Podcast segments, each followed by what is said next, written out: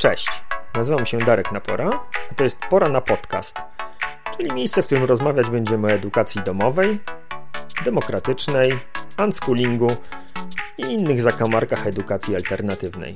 W dzisiejszym odcinku zapraszam na rozmowę z autorką książki pod tytułem Psychologiczne znaczenie pieniędzy, doktor habilitowaną Agatą Gąsiorowską. Porozmawiamy o tym, jak wyniki jej badań nad wpływem pieniędzy na człowieka mo można wykorzystać w codziennych wyborach. Czy płacić dzieciom za wykonywanie prac domowych, kiedy zacząć dawać kieszonkowe, a co najważniejsze, opowiemy o budowaniu relacji opartych na wymianie i wspólnocie, czyli odpowiemy na pytanie, czy jeśli ja wczoraj rozpakowałem zmywarkę, to znaczy, że moja żona ma to zrobić dzisiaj? Zapraszam.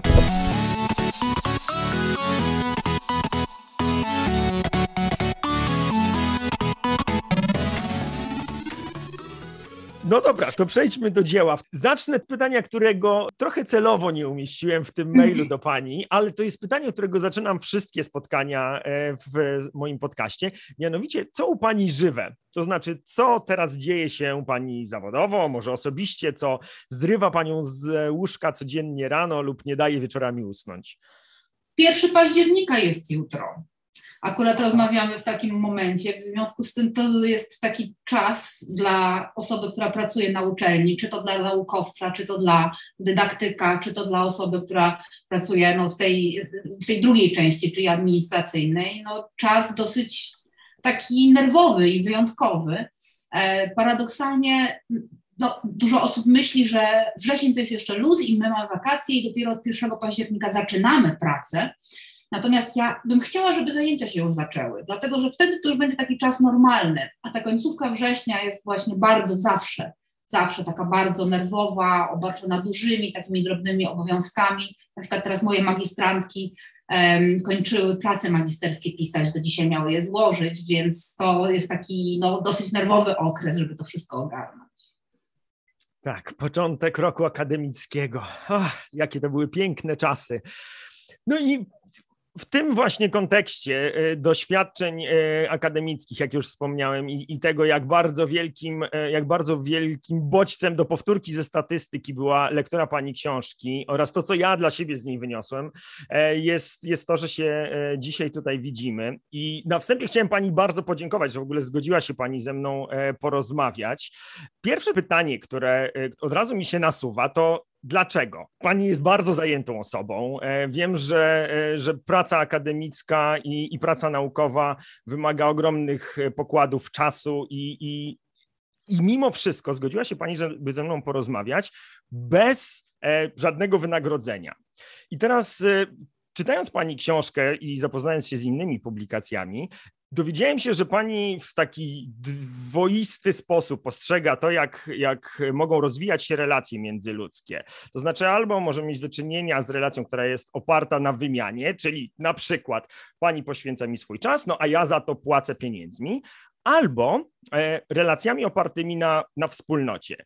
No i teraz pytanie, czy dwoje w zasadzie obcych sobie ludzi, no bo zupełnie się nie znamy przed tym, e, nie znaliśmy przed tym dzisiejszym spotkaniem, może w ogóle zawiązać taką relację, która opiera się na wspólnocie. I cóż to miałaby być za wspólnota? W tym, co, o co Pan pyta, tak naprawdę są dwa pytania. Pierwsze pytanie to, dlaczego ja zgodziłam się, pomimo braku wynagrodzenia, pomimo braku czasu i tak dalej, dlaczego ja się zgodziłam e, na to, żeby się z Panem spotkać? Dlatego, że ja nie rozmawiam z Panem tak naprawdę w momencie, kiedy ja z Panem rozmawiam. Ja rozmawiam z tymi wszystkimi osobami, które nie przebrną przez moją książkę, a którym chciałabym w jakiś sposób tej swojej wiedzy trochę oddać.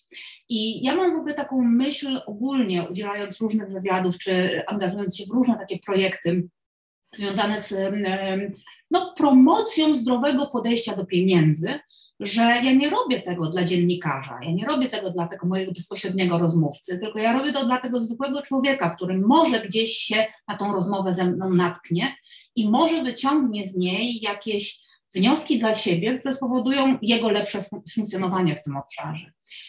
A ta druga kwestia, o której Pan powiedział, relacja wspólnotowa, no tak, no nawiązujemy w tym momencie faktycznie relację wspólnotową. Ta teoria, na której ja się opieram, to jest teoria Margaret Clark, która faktycznie mówi, że ludzie mogą organizować swoje relacje z innymi ludźmi jako oparte o wspólnotę albo oparte o wymianę, Ale relacje oparte na wspólnocie to są relacje, które mają bardzo, bardzo szeroki charakter, bardzo duży wachlarz. I tam jeszcze się pojawia taki dodatkowy wymiar, który mówi o sile tych relacji. I możemy mieć słabe relacje oparte na wspólnocie, czyli Pan mnie poprosił w tym momencie o przysługę i ja tą przysługę z miłą chęcią Panu wyświadczam, bo nie kosztuje mnie ona tak aż wiele, a to, co się może dobrego zdarzyć, no jest to absolutnie niewspółmierne. Natomiast jeżeli poprosiłby mnie Pan w trakcie dzisiejszej rozmowy, żebym nie wiem, przyjechała do Pana na przykład, żeby e, zrobić jakiś tam następny wywiad, albo na przykład, żebym pożyczyła Panu pieniądze, albo pożyczyła Panu samochód, albo zrobiła cokolwiek jeszcze innego, to bym tego nie zrobiła, bo ta nasza relacja wspólnotowa nie jest wystarczająco silna. Typowym oczywiście przykładem takiej silnej relacji wspólnotowej to jest relacja między partnerami, czy między rodzicami a dziećmi, a super idealnym przykładem słabej relacji wspólnotowej, ale jednak wspólnotowej, to jest sytuacja, w której ktoś pyta pana na ulicy, która jest godzina, a pan się bardzo śpieszy. E, nie ma pan żadnego interesu w tym, żeby zatrzymać się na chwilę i odpowiedzieć tej osobie, która jest godzina, a najprawdopodobniej pan to zrobi. Nie dlatego, że pana to kosztuje albo nie kosztuje, tylko dlatego, że druga osoba potrzebuje w tym momencie tej informacji. I to, co jest kluczowe właśnie w relacji wspólnotowej, to jest to, że my na chwilę zawieszamy swoje potrzeby, swoje własne, swoje interesy, swoje koszty i robimy coś dlatego, że druga strona ma jakąś potrzebę. Odpowiadamy na potrzebę drugiej strony, a nie kierujemy się potrzebą swoją własną.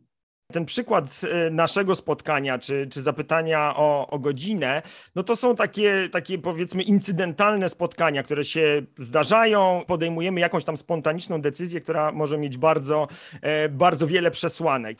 A ja się zastanawiam, czy istnieje w ogóle taka możliwość, żeby takie społeczności zbudowane na, na wspólnocie, no nie, na przykład jakichś wartości, były się w stanie zawiązać na, na czas dłuższy, tak? Żeby to były takie trwałe relacje i jak one się mają wówczas, kiedy pojawia się ten element wymiany. No bo niestety w społeczeństwie, tak jak ono teraz wygląda, czy nam się to podoba, czy nie, wymiana istnieje, a z drugiej strony te, te, te wspólnoty, czy te społeczności zbudowane na wspólnocie są jednak jakoś tam budujące, tak? No bo mamy osoby, które robią rzeczy nie tylko dlatego, że im się to opłaca, tylko one po prostu chcą zadbać o nas, o nasze, o nasze potrzeby. I czy to w ogóle jest możliwe, żeby te dwa światy, te dwa e, uwarunkowania relacji e, współistniały? One nie, nie, mamy wyjścia, żeby nie współistniały, ale w ogóle pytanie o to, dlaczego tak jest, że ludzie e, nawiązują wspólnotę albo nawiązują relacje oparte na wymianie, to jest takie jedno z fundamentalnych pytań w psychologii o naturę człowieka. I tutaj nie ma zgody co do tego, czy naszym naturalnym instynktem jest instynkt prospołeczny, a my się uczymy pod wpływem wzrostu w społeczeństwie tego instynktu e, nastawienia na interes własny, czy też może jest dokładnie odwrotnie, czy też może my rodzimy się jako jednostki nastawione na interes własny, a uczymy się w ramach, w ramach socjalizacji tego, że innym pomagamy i że jesteśmy prospołeczni. I trudno jest, trudno jest w ogóle prowadzić badania na taki temat, w takiego, takich bardzo podstawowych mechanizmów. I autorzy, którzy się tym zajmują, na przykład porównują e, zachowania dorosłych, bardzo małych dzieci i e, małp, człowiekowatych, tak? Czyli patrzą, jakie zachowania są typowe dla człowieka, a jakie pojawiają się również u małp, bo wtedy by to znaczyło, że to jest dla jak najbardziej wrodzone.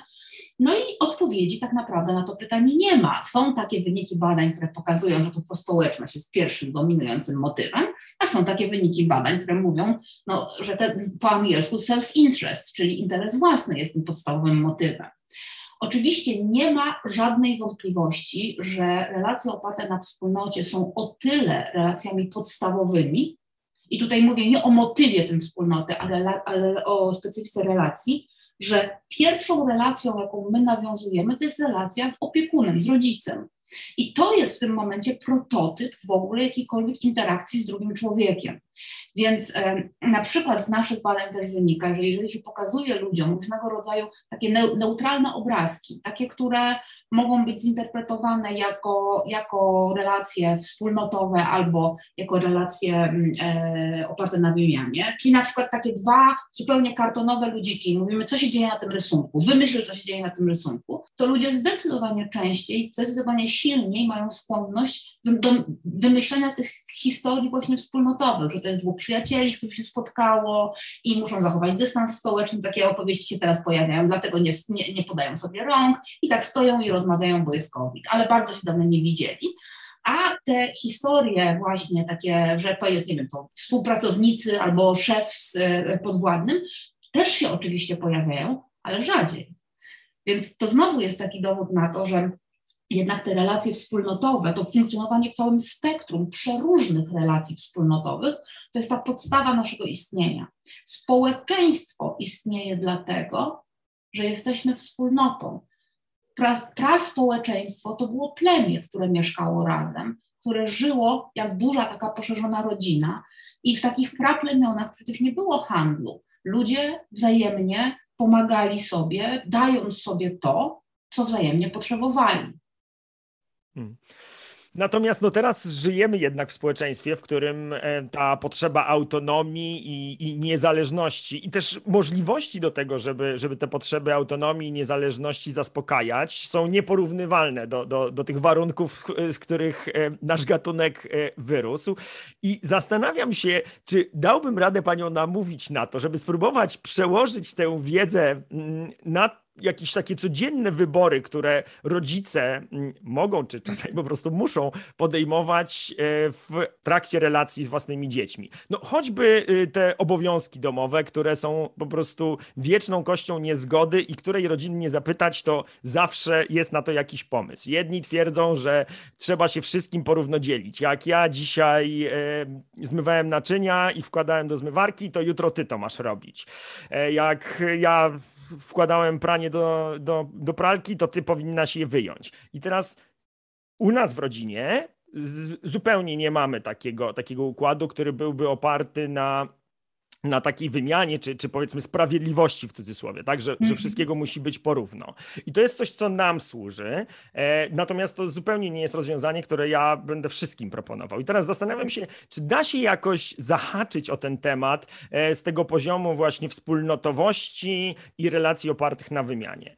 To, co jest typową cechą relacji opartych na wymianie, to jest kalkulowanie. To jest kalkulowanie, ile ja wkładam wysiłku, czasu, no bardzo często też pieniędzy, a to wcale nie muszą być pieniądze. W rodzinie to właśnie, tak jak Pan powiedział o tym liczeniu, ile razy kto rozpakował zmywarkę, tak? Czyli kalkulujemy, ile wysiłku wkładamy, ile czasu wkładamy i chcemy, żeby sprawiedliwe było to, że robimy to dokładnie w takiej samej proporcji. I tak naprawdę to, że w relacjach opartych na wspólnocie te proporcje nie są zachowane, to wcale nie oznacza, że te relacje oparte na wspólnocie są niesprawiedliwe.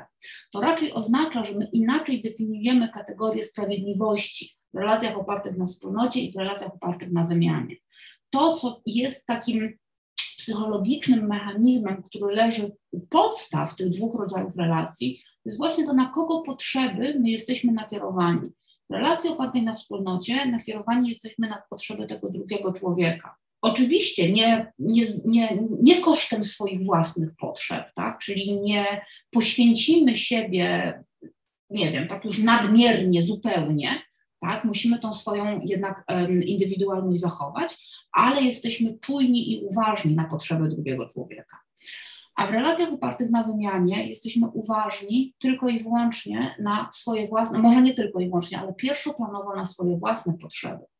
I jeśli my mówimy, ty musisz wyciągnąć te talerze ze zmywarki, bo to będzie niesprawiedliwe, bo ja wyciągałem, a teraz nie będę wyciągał drugi raz, bo ja bym sobie teraz chciał poleżeć, to proszę zobaczyć, jak ja o tym mówię. Ja mówię cały czas ja. Ja wyciągam, ty musisz wyciągać, bo ja bym chciał sobie poleżeć, bo ja wyciągałem i tak dalej, i tak dalej.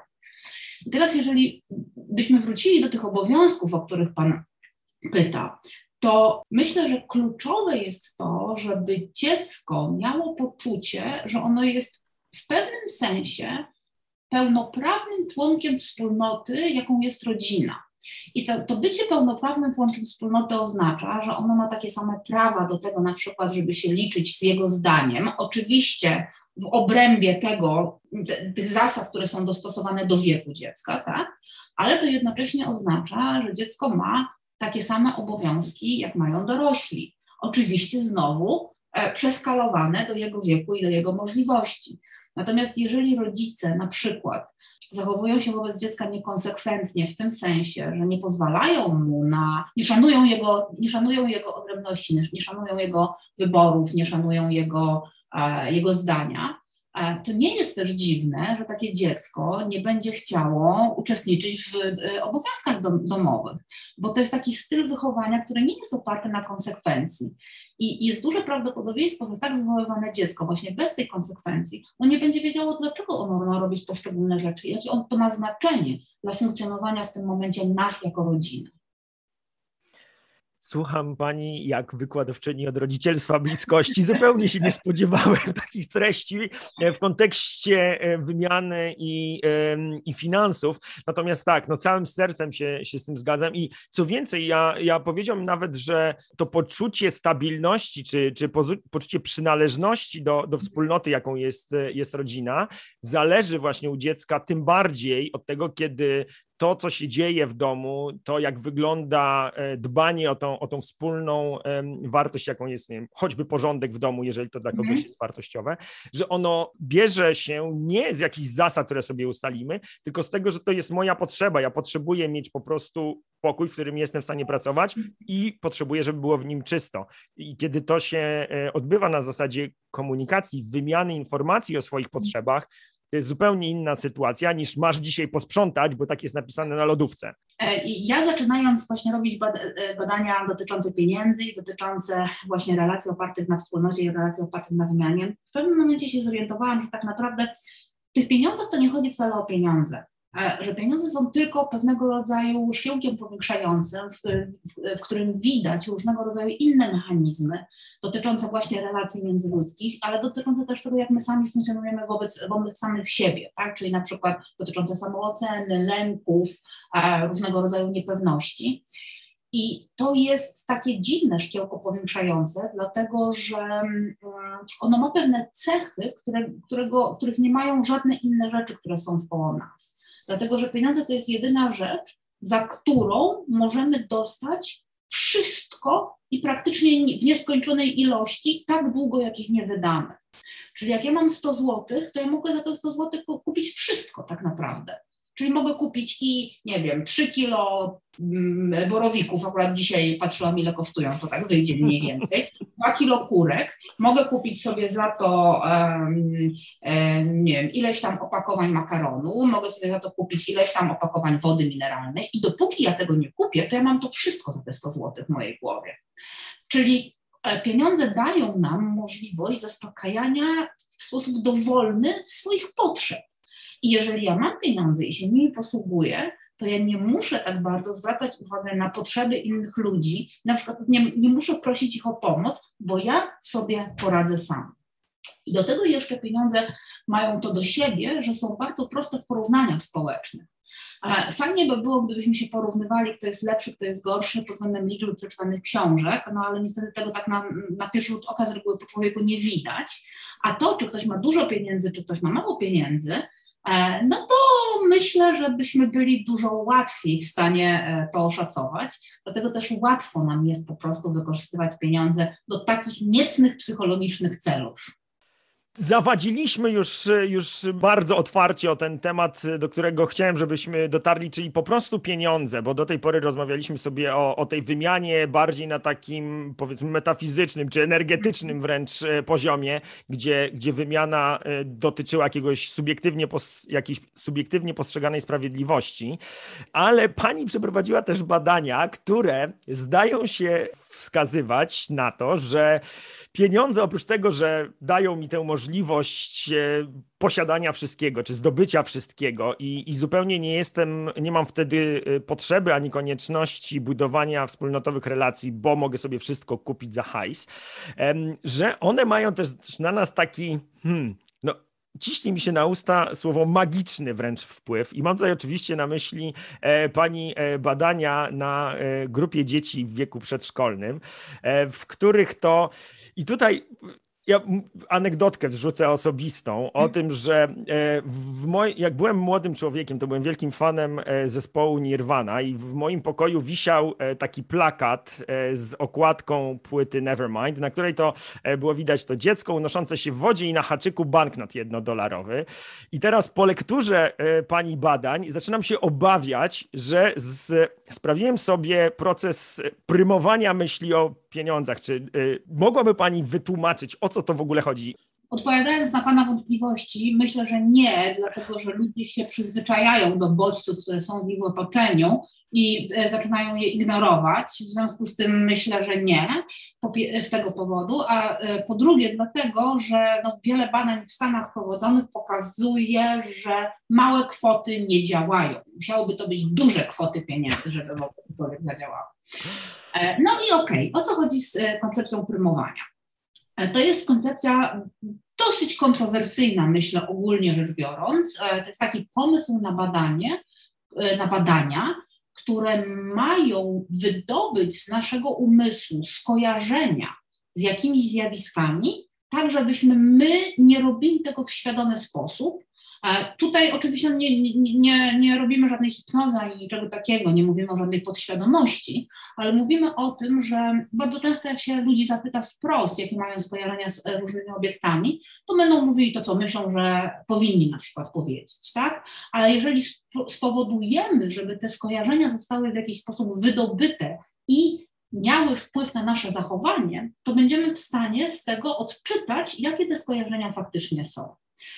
Pierwsze takie badania dotyczące e, prymowania przeprowadził e, John Barch bodajże w 90 latach, jeżeli, jeśli nawet nie wcześniej, gdzie prosił swoich badanych o to, żeby czytali um, różnego rodzaju słowa związane ze starością i mie mieli z tych słów potem układać zdania. Mówił im, że to są takie, e, taki test gramatyczny. I druga grupa losowo e, dobrana, e, robiła dokładnie to samo zadanie, ale bez tych zdań związanych ze starością. I następnie osoby badane były proszone o to, żeby przeszły z jednego końca, tam gdzie siedziały i rozwiązywały tą łamigłówkę słowną, do drugiego końca korytarza, gdzie miała być dalsza część badania. I Bach zauważył, że te osoby, które czytały wyrazy związane ze starością, choć szły wolniej po prostu szły wolniej. Dlaczego? Dlatego, że te wyrazy związane ze starością najprawdopodobniej uruchomiły w, naszy, w naszym umyśle właśnie to myślenie o starości, a starzy ludzie chodzą wolno, w związku z tym prawdopodobnie dlatego te osoby zwolniły. I z takim prymowaniem, oczywiście w warunkach eksperymentalnych, e, można zrobić bardzo, bardzo, bardzo wiele rzeczy, ale proszę pamiętać, że no, warunki eksperymentalne to jest pewien model zachowania. My robimy wszystko tak super wyizolowane, żeby widzieć, czy coś działa, czy nie działa, a my się też pr prymujemy na różne rzeczy w naturalnym naszym życiu. Wyobraźmy sobie, że jedzie Pan e, autobusem i czyta Pan książkę o gdzie główny bohater ma bardzo poważny problem z alkoholem, na przykład o Joannie Chyłce, e, e, Remigiusza Mroza, gdzie tam jest bardzo dużo tego, jak ona nadużywa alkoholu i widzi Pan następnie przez okno kobietę śpiącą na ławce. I tyle. To jest tak jakby, zostawmy to e, e, e, na tym etapie. I, I, druga sytuacja. Jedzie Pani sobie autobusem i czyta książkę o kobiecie, która choruje na cukrzycę i w związku z tym zdarza jej się tracić przytomność. Albo na przykład choruje na padaczkę i zdarza jej się tracić przytomność. Widzi Pan sobie dokładnie tą samą kobietę, która siedzi na ławce i, i przysypia, tak? Czy w tych dwóch sytuacjach pomyśli sobie Pan to samo o tej kobiecie? Najprawdopodobniej nie. Dlaczego? Dlatego, że pewne sposoby myślenia zostały już wcześniej uruchomione w naszej głowie przez to, co przeczytaliśmy w książce. I to jest właśnie prymowanie. Czyli, że kontakt z pewnymi bodźcami uruchamia w naszej głowie pewien pryzmat, pewien, pewien, e, pewien filtr, przez który patrzymy na dalszą część rzeczywistości. I po co my w ogóle to wyko wykorzystujemy? To właśnie, żeby dowiedzieć się, jakie są skojarzenia z różnego rodzaju obiektami czy symbolami, e, bez pytania wprost, tylko właśnie, żeby wydobyć te skojarzenia, które są silne i wpływają na nasze działania, ale co do których my na przykład nie zdajemy sobie sprawy albo nie chcemy się przyznać. I dlaczego badaliśmy dzieci? Dlatego, że dzieci mają to do siebie. Ja, ja w ogóle nie jestem psychologiem rozwojowym. Ja nawet bym powiedziała, że nie lubię za bardzo dzieci. Natomiast dzieci mają to do siebie, szczególnie dzieci. Przepraszam, chciałem podziękować za, za otwartość i gotowość do dzielenia się e, takim doświadczeniem pracy z dziećmi, jednocześnie nie lubienia dzieci. No, ale dla mnie te dzieci, powiem szczerze, były czysto e, instrumentalne w tym badaniu. Dlaczego? Dlatego że zastanawialiśmy się, najpierw robiliśmy takie badania na dorosłych i wiedzieliśmy też, że wiele takich badań zostało zrobione na całym świecie, że właśnie dorośli pod wpływem tego kontaktu z pieniędzmi um, mniej pomagają innych, są mniej wrażliwi na innych, mniej skłonni do tego, żeby brać perspektywę drugiego człowieka, ale jednocześnie są bardziej um, wytrwali i e, na przykład e, dłużej pracują nad zadaniami, które nawet są nierozwiązywalne. I zastanawialiśmy się bardzo, z czego to wynika. Czy to wynika z tego, że ludzie posługują się pieniędzmi w transakcjach, czyli czy to wynika z tego, że dorośli po prostu korzystają z pieniędzy, z pieniędzy, zarabiają, wydają, y, rachują je, doda, dodają, no cokolwiek robią z nimi to e, takiego, o czym mówi ekonomia, że można zrobić z pieniędzmi. Czy może jednak to wynika z tego, że pieniądze są pewnym symbolem kulturowym, i e, to nie chodzi o to, że my te pieniądze zarabiamy albo wydajemy, tylko że żyjemy w świecie, w którym te pieniądze istnieją, nawet jeżeli my nie rozumiemy, jak one działają.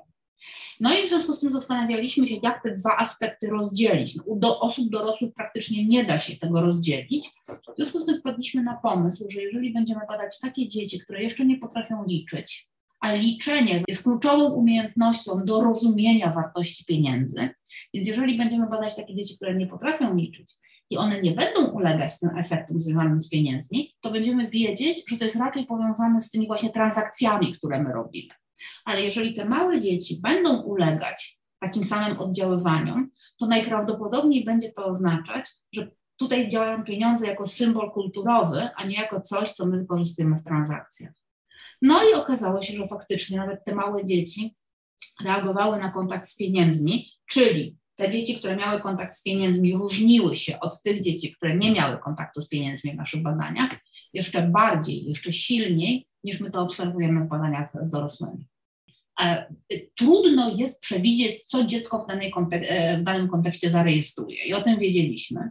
W związku z tym e, te nasze zadania związane z pieniędzmi wyglądały tak, że mówiliśmy dzieciom, że w pierwszej części naszej zabawy um, sprawdzimy, czy dobrze sortujesz na przykład. Popatrz, tutaj masz pomieszane różne rzeczy i teraz masz tutaj cztery pudełka, czy tam trzy pudełka z reguły były.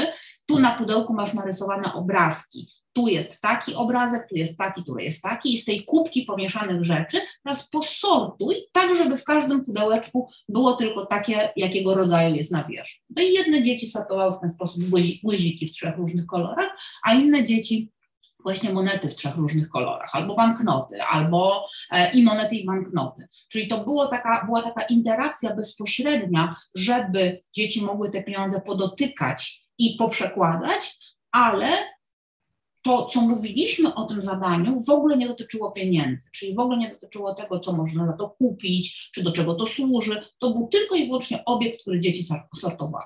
No dobrze, y, to y, wiemy już, jak te pieniądze na nas wpływają. Z jednej strony bardzo pozytywnie, bo i dzieci, i dorośli są y, bardziej wytrwali w pracy trudniej się poddają. Z drugiej strony mogą się pojawiać jakieś negatywne zjawiska, czyli to większe skupienie na sobie, czy mniejsza gotowość do, e, do dzielenia się z innymi osobami i pomocy.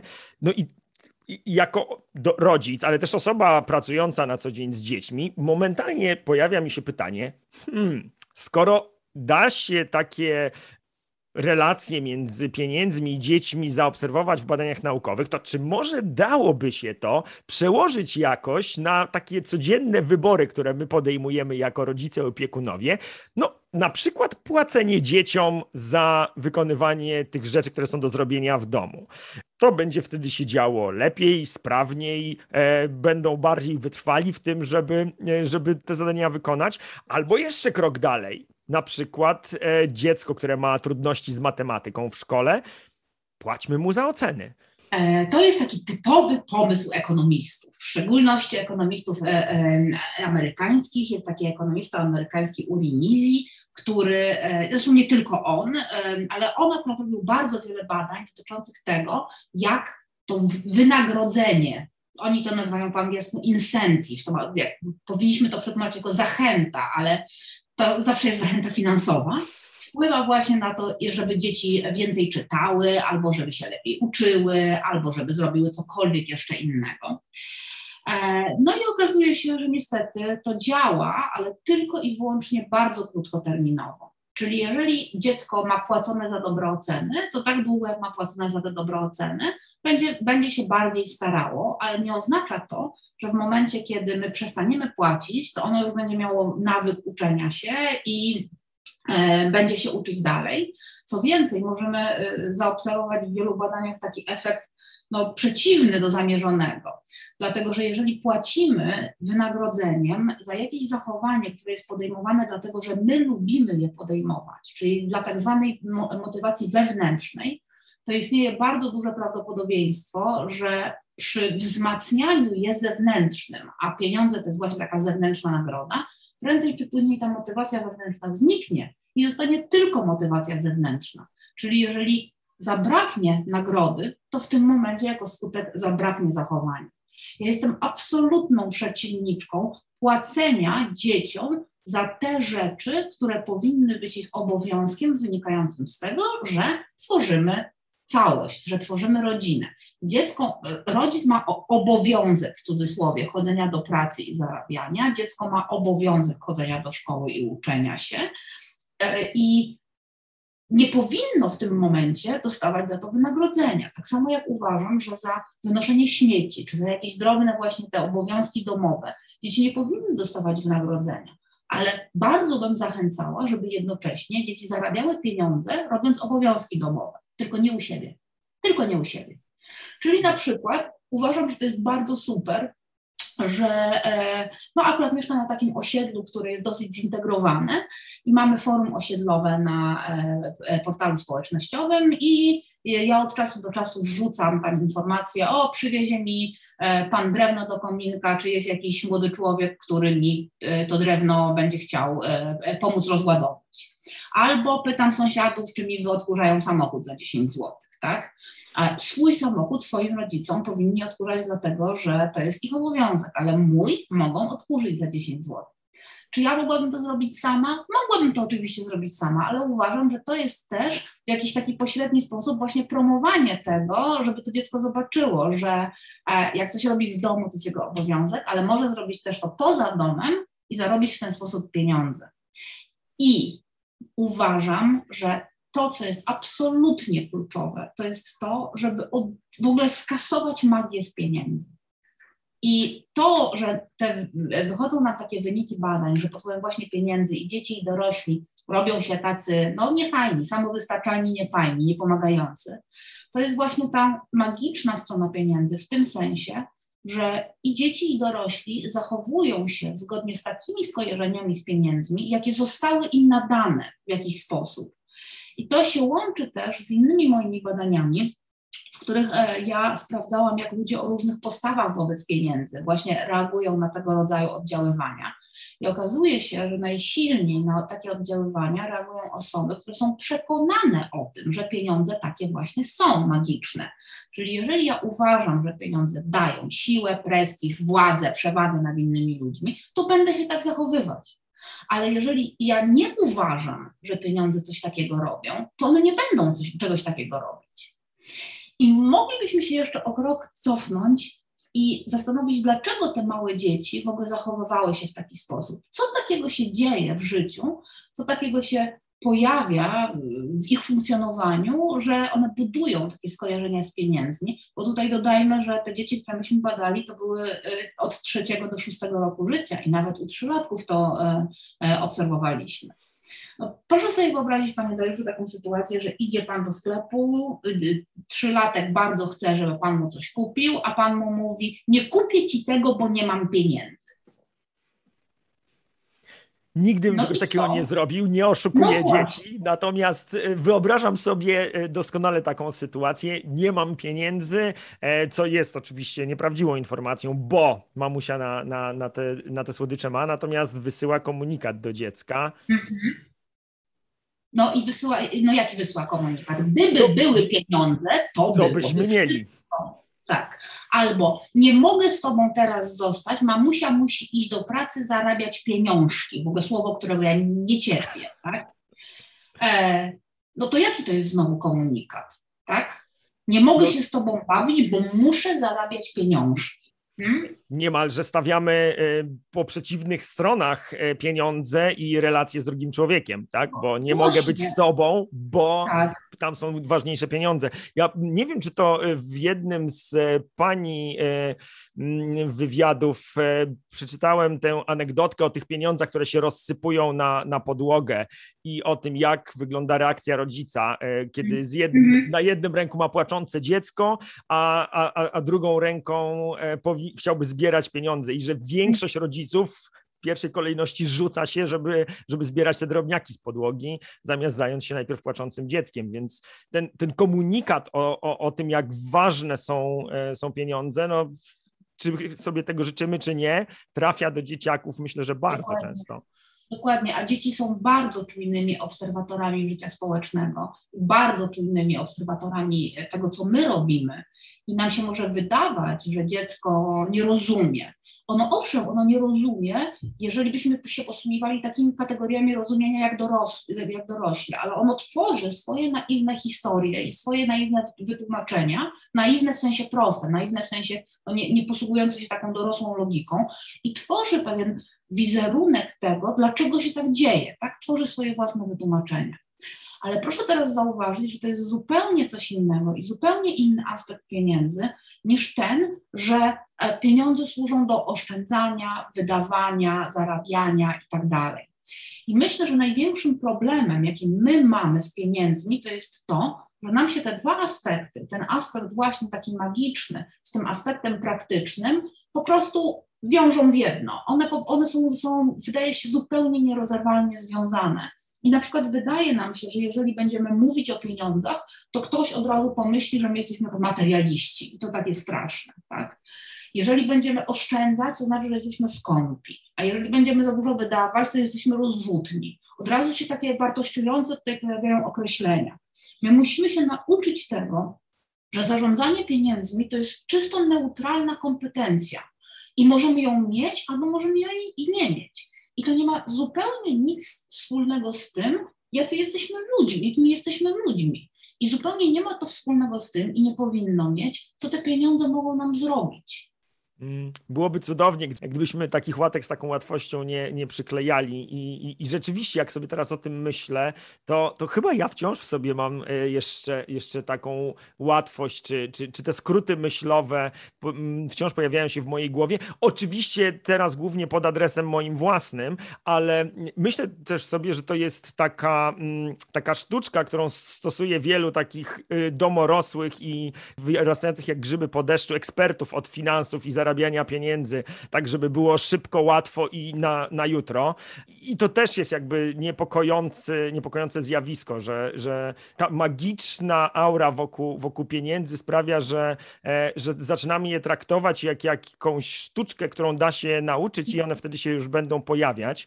Więc czy jest coś, co my jako rodzice, opiekunowie dzieci możemy dla nich zrobić, żeby nauczyć ich zarządzać e, pieniędzmi w sposób instrumentalny, jak narzędzie, które służy zaspokajaniu potrzeb?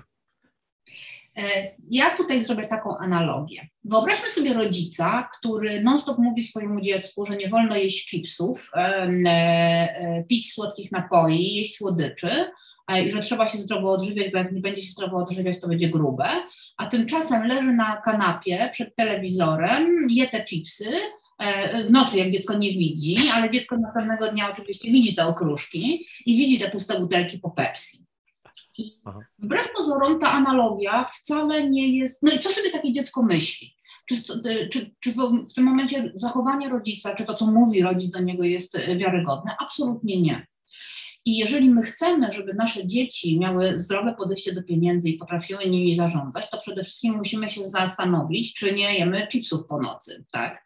Czyli czy ma, my sami, sami mamy zdrowe podejście do pieniędzy i czy potrafimy nimi zarządzać, zastanowić się, e, i co my w tym względzie możemy zrobić nie używać pieniędzy jako uniwersalnego wytrycha do tłumaczenia wszystkich szczęść i nieszczęść, bo wpraw, prawdą jest oczywiście, że jeżeli mamy więcej pieniędzy niż mniej, to życie jest łatwiejsze, bo nie musimy się zastanawiać, jak łatać różne braki. Tak? To jest prawda, no i nie, tutaj nie ma o czym dyskutować.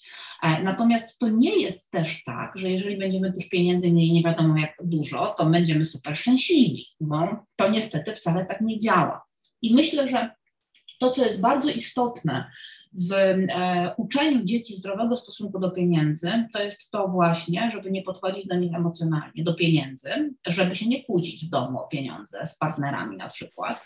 E, I z dziećmi, dziećmi również, tak? Bo pieniądze to naprawdę nie jest powód do tego, żeby się kłócić, e, żeby ze sobą rozmawiać, i bardzo ważnym elementem jest to, żeby dzieci jak najwcześniej jest tylko możliwe dostawały kieszonkowe. I żeby to kieszonkowe było ich własnymi pieniędzmi, co do których mogą zrobić, co tylko im się żywnie podoba. Oczywiście im młodsze dziecko, tym bardziej prawdopodobne, że my temu dziecku będziemy tłumaczyć i ustalać z nim, co ono z tymi pieniędzmi może robić i będziemy przypominać na przykład, jeżeli to dziecko postanowi, że te pieniądze oszczędza, ale musimy też sobie zdawać sprawę z tego, że takim bardzo elementem szkodliwym jest uzupełnianie kieszonkowego. Czyli jeżeli dziecko, ten, z ważniejszych kompetencji, jedną z ważniejszych kompetencji dotyczących zarządzania pieniędzmi jest umiejętność funkcjonowania na ograniczonym budżecie. To znaczy ta świadomość, że jeżeli nam się pieniądze skończą, to się skończyły i nikt nam ich nie doleje, musimy czekać do następnego poniedziałku albo do następnego pierwszego albo któregokolwiek jeszcze innego.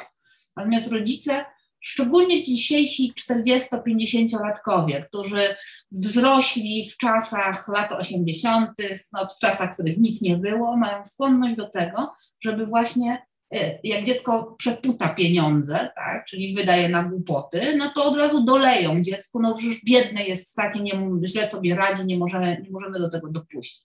To jest super szkodliwe i to jest prosta droga do tego, żeby sobie zbudować e, młodego człowieka, który będzie żył na chwilówkach. Dlatego, że będzie próbował znaleźć jak najszybszy i najprostszy sposób do tego, żeby sobie uzupełnić E, ten zasób finansowy, jeżeli na przykład rodzice go nie będą e, uzupełniać. Hmm. Więc konsekwencja i właśnie, jeżeli dziecko wyda, to nie ma. Musi poczekać do następnego okresu. Hmm.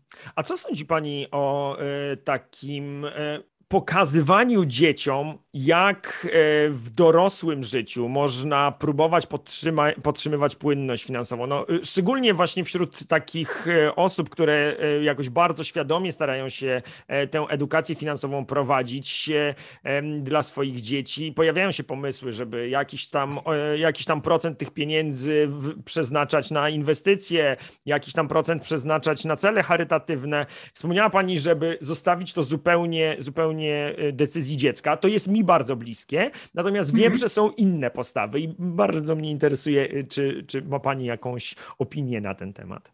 E, mam opinię na ten temat. No, e, ja, ja jestem zwolenniczką tego, żeby zostawić to decyzji dziecka, ale żeby z dzieckiem rozmawiać na temat tego, jakie są opcje, tak? E, nie wiem, czy kiedykolwiek Pan widział coś takiego. Ja Panu, ja panu to spróbuję znaleźć i wyślę tu linka, dobra, mam. Patrzę. E, poznałam w ogóle kobietę na jakiejś konferencji, która to e, wymyśliła. To jest świnka, która e, ma uczyć dzieci oszczędzania, ale proszę zobaczyć, że e, ta mhm. świnka ma dwie takie kluczowe cechy. Po pierwsze jest przezroczysta, to znaczy widać, ile tych pieniędzy tam jest w środku, żeby dzieci widziały, jak im się te mhm. pieniądze zbierają i czy się odpowiednio zbierają. Po drugie ma cztery przegródki oszczędzanie, wydawanie, czyli oszczędzamy, i tutaj można sobie nakleić na co, tak? I są i cały zestaw naklejek do tego. E, można, są też naklejki puste, że rysujemy na co oszczędzamy. E, wydawanie, czyli to, co na bezpośrednie, codzienne wydatki. E, cele charytatywne, czyli i z góry dziecko na przykład ustala, na co by chciało te pieniądze przekazywać, i inwestowanie tak? Czyli co z tymi pieniędzmi będzie się działo w e, długim czasie. I ja jestem na przykład też zwolenniczką, oprócz takich rozwiązań, jestem zwolenniczką tego, żeby dzieci stosunkowo wcześnie włączać w budżet domowy. To znaczy, żeby mówić, żeby rozmawiać z dziećmi na temat tego, ile możemy codziennie wydać na jedzenie i w związku z tym, co po kolei możemy kupić i co możemy zjeść na obiad, a co w związku z tym nam nie y, zabraknie na kolację, e, żeby pokazywać dzieciom, że to są, że mamy pewne pieniądze, które idą na stałe wydatki, jak na przykład na rachunki, a pewne pieniądze, które idą na zmienne wydatki, Czyli na przykład e, raz trzeba zapłacić ubezpieczenie, raz, raz e, nie trzeba tego ubezpieczenia zapłacić. Nie bać się tego, żeby przy dzieciach rozmawiać o pieniądzach. Ale to jest zupełnie coś innego niż kłócenie się o pieniądze przy dzieciach. Hmm. Tak, ta świadomość dzieci, że tej ograniczoności zasobów, prawda, że, że mhm. jakby to nie jest tak, że mamy pieniędzy nieskończoną ilość. Ja tutaj z rozrzewnieniem wspominam czasy y, w sumie nie tak odległe, kiedy po prostu jako rodzina e, zawaliliśmy naszą płynność finansową w okresie wakacji i myślę, że ten moment, kiedy rozmawiałem z synem, że słuchaj, no chciałem ci sprawić taki, taki prezent, ale w tym roku nie damy rady popłynąć na ten spływ. Mm, to była jedna z ważniejszych rzeczy, które się w ogóle wtedy dla nas, jako dla rodziny i tego, jak wygląda świadomość o, o finansach i o sytuacji finansowej naszej rodziny, mm, mogła, mogła przydarzyć. Natomiast y, wracając do tej świnki, ja zastanawiam się, ilu dorosłych jest w stanie swój budżet zaplanować w taki sposób, żeby rzeczywiście mieć tą część pieniędzy, którą inwestuje, tą część pieniędzy, którą oszczędza i jeszcze mieć taki, taki kawałeczek, który e, starczyłby na cele charytatywne. I czy to przypadkiem nie zagrawa o lekką hipokryzję, jak będziemy dzieciom kazać robić coś takiego samemu jednocześnie, nie będąc w stanie? Tylko zakrawa, oczywiście nie tylko zakrawa, ja mówię, to jest właśnie te chipsy w nocy jedzone. Jeżeli ty chcesz, żeby twoje dziecko dobrze miało dobry stosunek z, z, pieniędzmi, to ty sam musisz mieć dobry stosunek z pieniędzmi, bo nie przekażesz dziecku wzorca, E, odpowiedniego. E, w jaki sposób dzieci najłatwiej zachęcić do aktywności fizycznej? Pokazać im, że się tą aktywność fizyczną uprawia, tak? E, więc to są wszystko dokładnie te same mechanizmy. Jeżeli rodzice będą mówić, nie stać nas na oszczędzanie, niezależnie od tego, czy mamy pieniądze, czy nie mamy pieniędzy, to dziecko też będzie mówiło, nie stać nas na oszczędzanie. Ale jeżeli rodzice będą mówić, oszczędzanie to jest nawyk, a nie kwota, w związku z tym, choćbyśmy mieli oszczędzać 50 zł miesięcznie, to warto oszczędzać, a 50 zł miesięcznie da nam w tym momencie 600 zł w ciągu roku i będziemy mogli je spokojnie roz, na rozkusz na wakacje, nie będziemy się musieli niczym przejmować. To jest zupełnie w tym momencie inny sposób myślenia, tak? Hmm. Czyli taki po prostu, no każda złotówka w tym momencie ma sens. Jeżeli nie jesteśmy w stanie oszczędzać 5 zł dziennie, oszczędzajmy 50 groszy dziennie, ale róbmy to.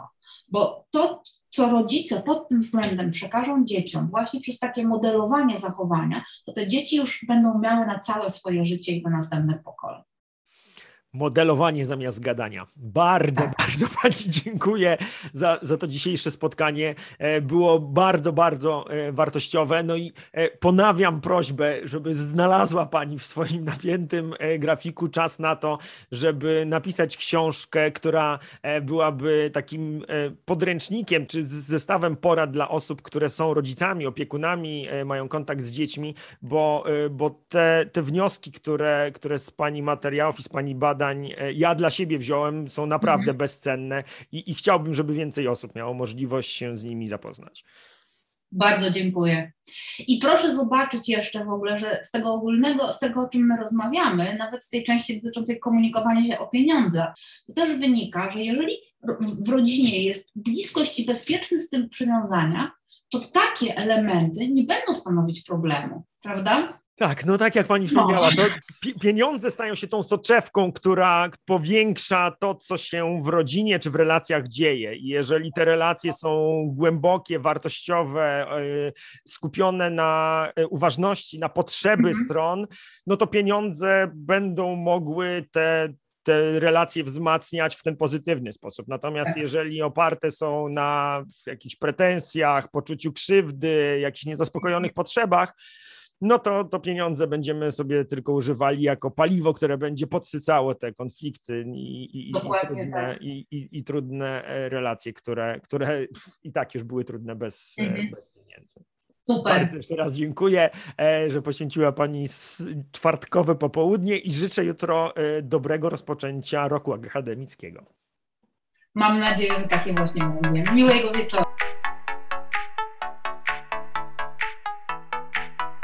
Dzięki za wysłuchanie kolejnego odcinka Pora na podcast.